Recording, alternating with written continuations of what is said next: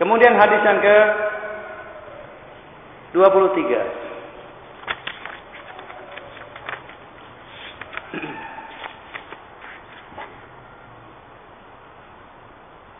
Hadis ke-23 berkata Imam Nawawi rahimahullah an Abi Malik Al-Haris Ibn Asim Al-Asari radhiyallahu anhu dari Abi Malik Haris bin Asim Al-Asari semoga Allah meridainya beliau berkata kalau Rasulullah sallallahu alaihi wasallam. Rasulullah sallallahu alaihi wasallam telah bersabda at-tuhuru syatrul iman. Bersuci itu separuh dari iman. Walhamdulillah tamla'ul mizan. Dan ucapan alhamdulillah itu memenuhi timbangan. Wa subhanallah walhamdulillah tamla'ani. Atau tamla'a tamla'u al-mizan ma baina samai wal ard. Ucapan subhanallah dan alhamdulillah keduanya memenuhi atau dia memenuhi apa yang ada di antara langit dan bumi. Wassalatu nurun. Salat itu cahaya. Wassadaqatu burhan. Dan sedekah burhan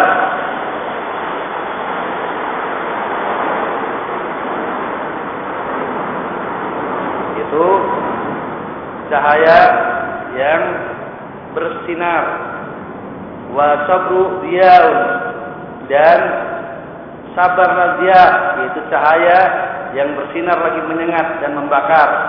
Wal qur'anu hujjatun laka au alaik dan Al-Qur'an itu hujjah bagi kamu apa atas kamu. Kullun nasi yazdu baba'un nafsahu famuqtiquha au mutiquha maka setiap manusia setiap harinya dia menjual dirinya maka ada yang telah membebaskan dirinya dari api neraka atau justru ada yang membinasakannya. Rahu Muslim.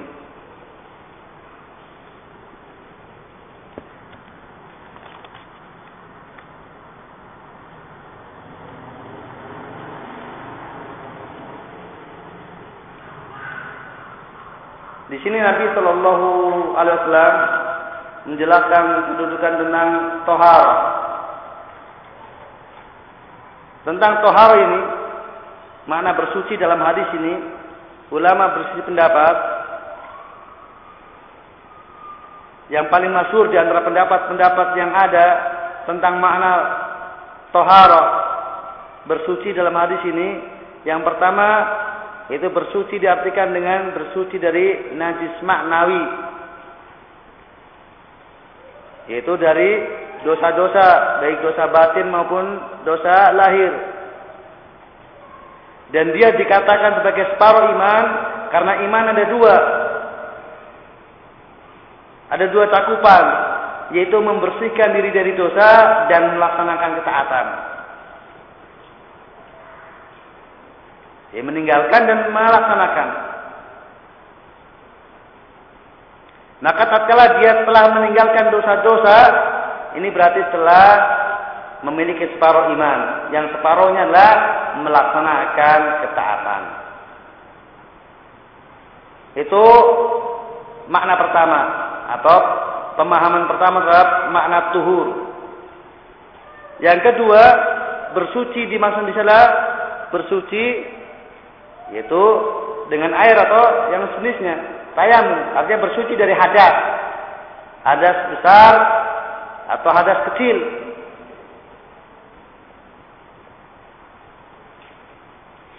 Kemudian bersuci dikatakan satrul iman, iman yang dimaksudkan di situ adalah as-shalah. Sebagaimana dalam firman Allah, la yudhi'u imanakum. Allah tidak menyanyiakan iman kalian, ayat salat kalian. Ini terkait pertanyaan para sahabat tentang Para sahabat yang sempat sholat ke Baitul Maqdis, kiblatnya Baitul Maqdis. Kemudian mereka meninggal sebelum turunnya pergantian kiblat. Firman Allah pergantian kiblat menjadi menghadap Ka'bah. Bagaimana sholat mereka? Mereka tidaklah sholat menghadap Ka'bah. Mereka sholat menghadap Baitul Maqdis. Maka Allah turunkan firman Allah demikian. Allah terus firman Allah tersebut. Inna Allah la yudhi'u imanakum. Allah tidak menyanyiakan iman kalian, ayat salat kalian. Maka kalau tuhur diartikan bersuci dari hadas besar dan hadas kecil, maka al-iman adalah as-salat.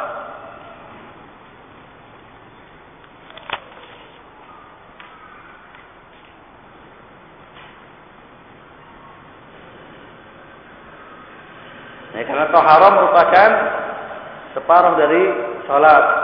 Ya, ketika dia telah melaksanakan syarat sholat, tinggal dia apa menyempurnakan rukunnya. Dan sholat dikatakan sebagai iman karena sholat merupakan pokok amalan iman. Dan tidaklah orang memiliki iman yang tidak sholat. Orang yang tidak sholat tidak dikatakan mukmin.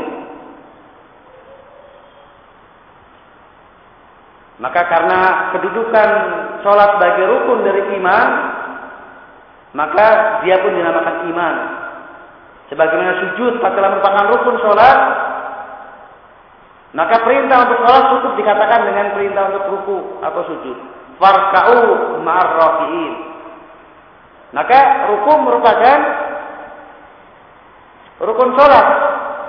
Syariat menyatakan perintah sholat dengan memerintahkan untuk ruku. Farka'u marrofi. Maksudnya sholatlah bersama orang-orang sholat. Itu pemahaman at-tuhur satrul iman. Kemudian alhamdulillah tamla'ul mizan. Dikatakan alhamdulillah itu memenuhi timbangan dan pujian Allah Ta'ala itu meliputi dalam enam hal. Terpuji dalam kesempurnaan rububiyahnya, dalam kesempurnaan uluhiyahnya, dalam kesempurnaan asma dan sifatnya, dalam kesempurnaan takdirnya, dan dalam kesempurnaan syariatnya. Dan dalam keseluruhan hal tersebut Allah terpuji. Dan telah saya jelaskan tentang makna Alhamdulillah pada Saralumatul Itiqad. Kemudian dikatakan alhamdulillah itu memenuhi timbangan, artinya berarti ada yang lebih dulu. Dikatakan dia memenuhi timbangan, berarti di timbangan sudah ada isinya terlebih dahulu, kemudian alhamdulillah memenuhinya.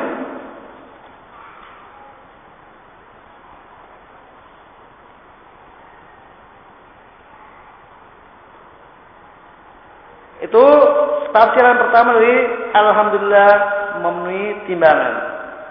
Tafsiran yang kedua, alhamdulillah sebagai pasangan dari subhanallah. Jadi agama kita itu dua, ya. Pensucian dan tahliyah dan tahliyah atau isbat dan nafi.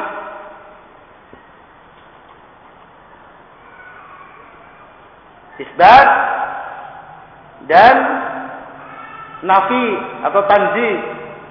Tahliyah dan tahliyah tahliyah itu sama dengan nafi tanzi. Tahliyah sama dengan isbat. Menetapkan mengisi menghiasi. Kalau tahliyah mengosongkan. Tanzi juga membersihkan mensucikan.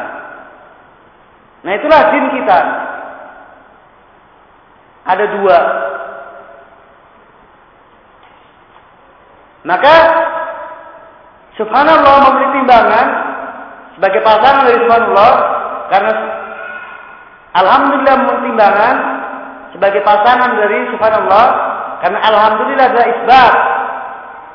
Subhanallah la tanzi.